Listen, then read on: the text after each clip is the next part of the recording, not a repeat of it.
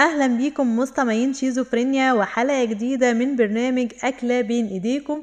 معاكم ياسمين موسى وزي ما أنتوا عارفين ميعادنا كل يوم جمعة الساعة واحدة بنلف العالم كله علشان نجيب لكم أكلات والأكلة تكون بين إيديكي وتكون كمان على قد الجيب.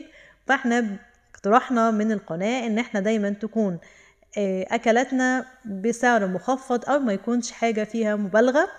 والنهاردة إحنا رحنا فلسطين علشان نجيب أكلة من التراث الفلسطيني وهي أكلة المستخن أو المستخن الفلسطيني. الحقيقة أن المستخن له كذا اسم أو له كذا طريقة بتختلف من بلد لبلد لكن الأساسي بتاعها هو آه، فلسطين.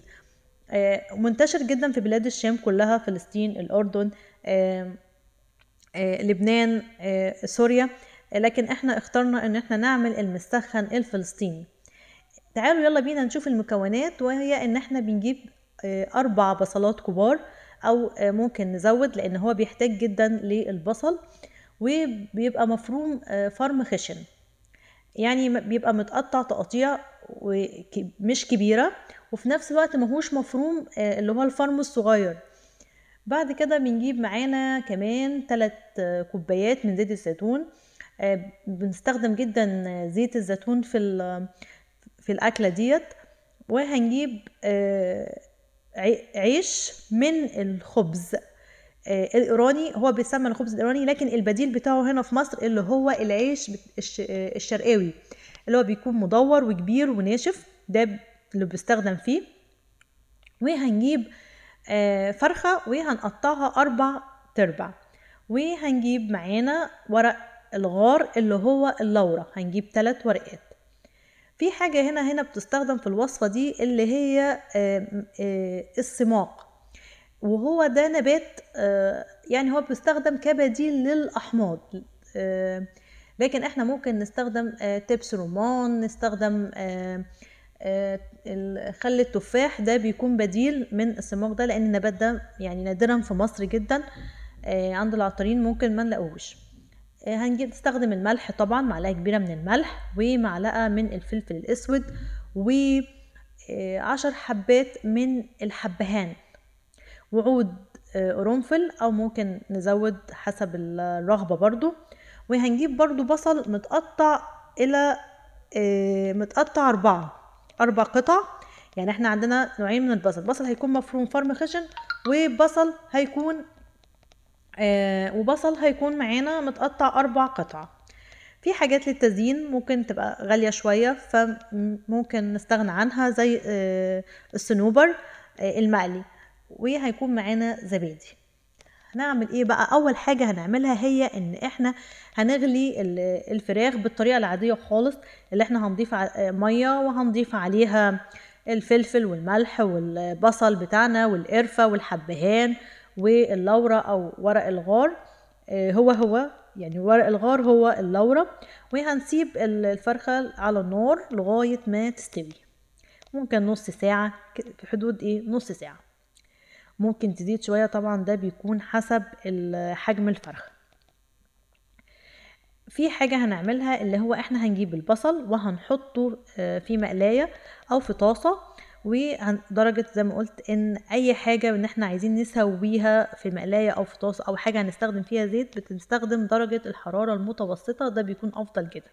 هنحط البصلة آه، أو البصل وهن إيه آه، اللي هو المفروم أو اللي إحنا قلنا آه، مفروم فرم خشن وهنقلبه لمدة دقيقتين بعد كده هنضيف زيت هنغرقه في الزيت يعني هنملى المقلاية أو الطاسة دي هنملاها زيت.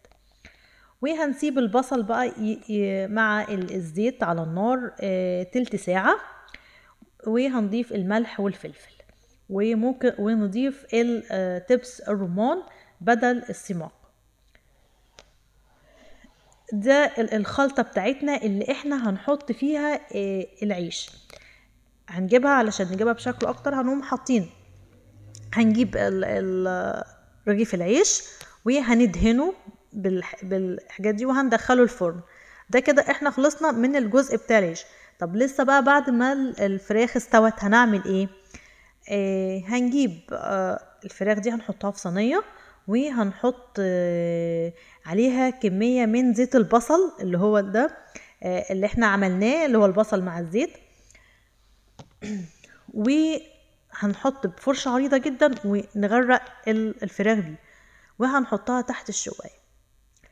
يبقى إحنا كده عملنا العيش زي ما إحنا غمسنا العيش في الزيت وحطيناه في صينية ودخلناها الفرن وحطينا الفراخ برضو. في حطينا عليها زيت البصل ودخلناها الفرن.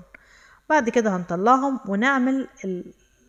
نحط العيش ونحط فوقيه إيه الفراخ ونحط الصنوبر بعد ما نقليه أو بعد ما نحطه في الشواية.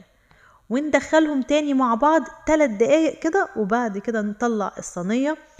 هنلاقي طعم جميل جدا جدا المسخن وبيتقدم مع الزبادي.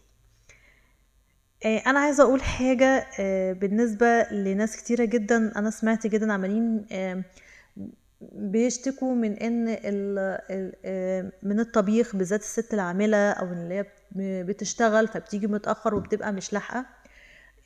أنا بطلب من الرجالة إن هي فعلا تساعد الستات في الوقت ده واعتبر ده إن أنت آه، ثواب. يعني أنت لو أنت دخلت وساعدتها بإن أنت مثلا ده غير يعني بعيد عن عن المفروض إن أنت تساعدها أساسا بره رمضان لكن انت في رمضان وأنت بتعمل ده آه، حط ده في اعتبارك إن أنت بتعمل سلطة أو بتساعدها. فأنت في ناس هتفطر معاك في البيت أو أنت هت آه، في ناس هتفطر من إيدك فأنت بتاخد ثواب.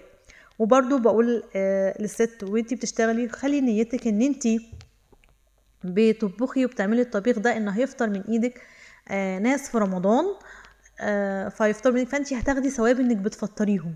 فده هيديكي طاقة أكتر وهيديكي روح أكتر بإن انت تعملي الحاجة دي وانت مبسوطة ومش وانت مضغوطة.